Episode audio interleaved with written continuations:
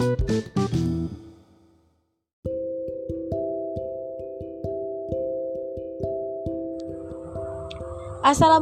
warahmatullahi wabarakatuh. Selamat datang di Histapod Podcast yang akan membawa kalian ke masa lalu. Oke, podcast kali ini masih untuk kelas 11 sejarah peminatan. Ibu masih ngambil dari bab peristiwa-peristiwa penting di Eropa subbabnya yaitu kita akan bahas mengenai reformasi gereja. Nah, apa sih reformasi gereja itu? Nah, kalau misalnya secara bahasa kita bisa lihat ya dari pengertian reformasi, re itu artinya lahir kembali dan formare artinya membentuk. Jadi Pengertian dari reformasi itu sendiri adalah membentuk ulang struktur kehidupan masyarakat. Nah, sedangkan gereja, seperti yang kalian tahu ya, gereja itu tempat ibadah umat Kristen gitu. Nah, jadi e, kalau misalnya diartikan secara istilah ya, reformasi gereja ini adalah masa di mana e, tatanan gereja diatur kembali gitu. Ya, dibentuk ulang gitu struktur gerejanya itu dari yang udah lama terus dibentuk lagi ke yang baru dengan struktur yang baru juga. Nah, kenapa reformasi gereja ini bisa terjadi? Ya, karena pemimpin gereja melakukan kegiatan yang tidak sesuai dengan ajaran Injil gitu. Nah, adapun e, latar belakang dari reformasi gereja ini adalah adanya surat penebus dosa atau indulgensia. Jadi dulu ini para pastor, orang yang berkuasa di gereja, ya kalau misalnya kita bisa mengenal sekarang tuh kayak kiainya gitu ya. Kiainya itu tuh uh, apa membuat surat penebus dosa gitu. Misalnya nih ya kita membuat satu kesalahan gitu membuat dosa. Nah dosanya itu bakal terhapus kalau misalnya kita memberikan sejumlah uang. Nah nanti tuh uangnya ini tuker sama surat penebus dosa. Nah jadi dosa kita hilang itu itu kan gak masuk akal ya Nah, terus yang kedua adanya nepotisme di kalangan gereja ya, seperti yang Ibu katakan tadi gitu. Jadi segalanya itu diuangkan gitu.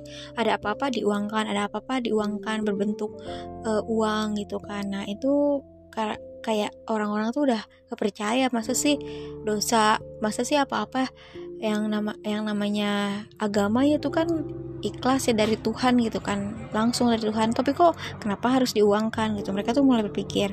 Nah terus selanjutnya adanya renaissance dan humanisme yang membuat orang-orang membaca ajaran Yesus yang asli gitu. Jadi uh, reformasi gereja ini dipengaruhi juga oleh renaissance yang ibu udah jelaskan di podcast sebelumnya di podcast yang judulnya Renaissance.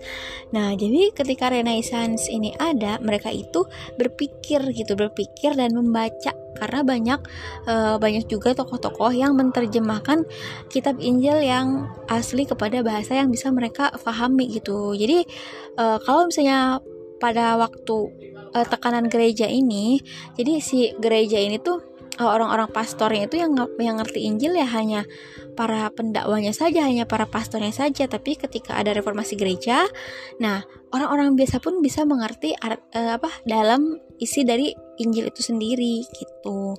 Nah ini tuh uh, yang membuat reformasi ini gereja ini terjadi karena mereka semakin mengerti gitu kan apa arti kitab Injil gitu jadi mereka nggak hanya nurut apa kata pastor gitu tapi mereka belajar sendiri langsung dari kitab Injilnya yang telah diterjemahkan kepada kepada bahasa yang mereka pahami gitu.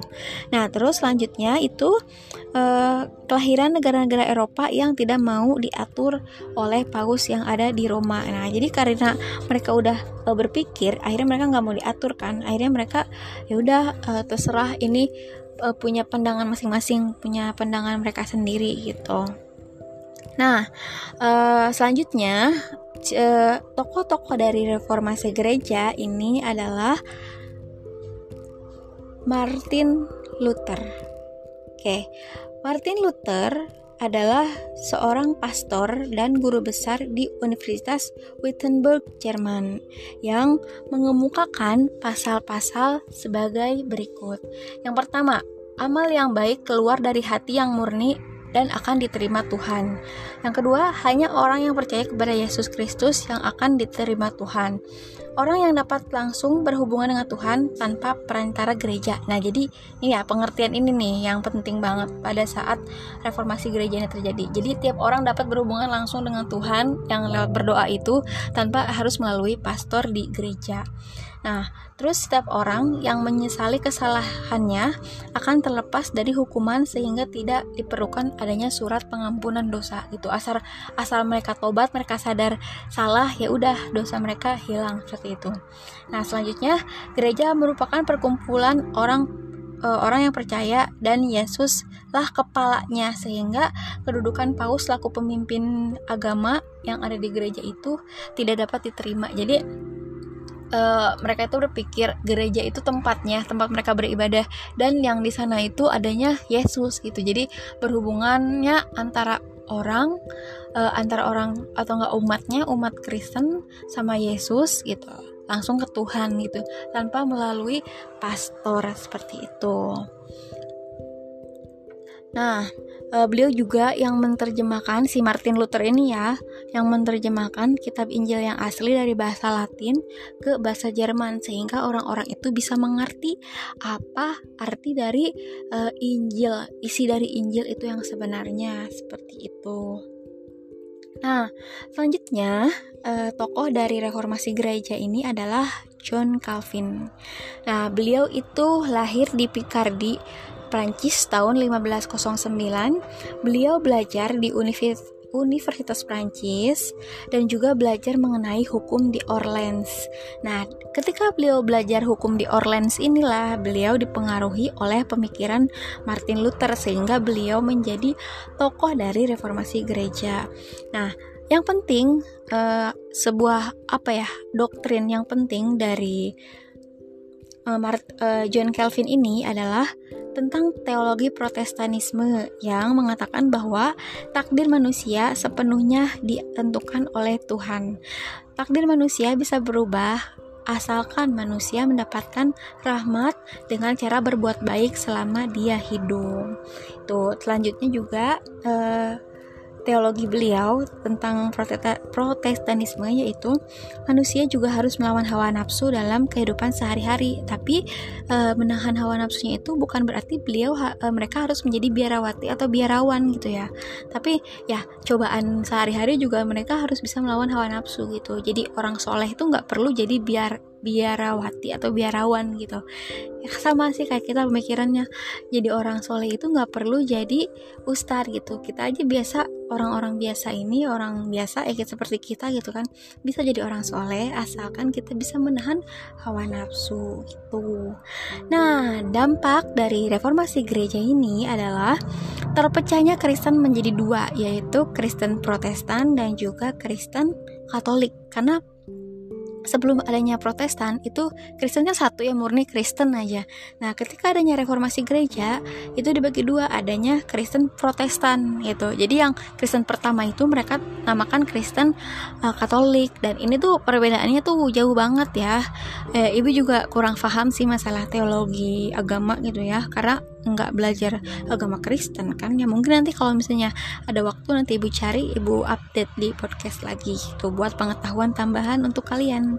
Nah terus selanjutnya juga munculnya negara-negara kecil yang tanpa uh, yang tanpa menurut kepada gereja gitu kepada paus gitu. Jadi negara-negara yang ada di Eropa itu memerdekakan diri dari paus dari gereja dari uh, apa kungkungan gereja dari apa ya istilahnya tuh dominasi gereja ya mereka bisa memerdekakan diri gitu kan Nah juga mereka mengenal tentang demokrasi dan juga kebebasan. Adapun e, kalau misalnya dampaknya untuk di Indonesia sendiri, ya seperti kita tahu ya sekarang di Indonesia juga kan e, Kristen dibagi dua ya.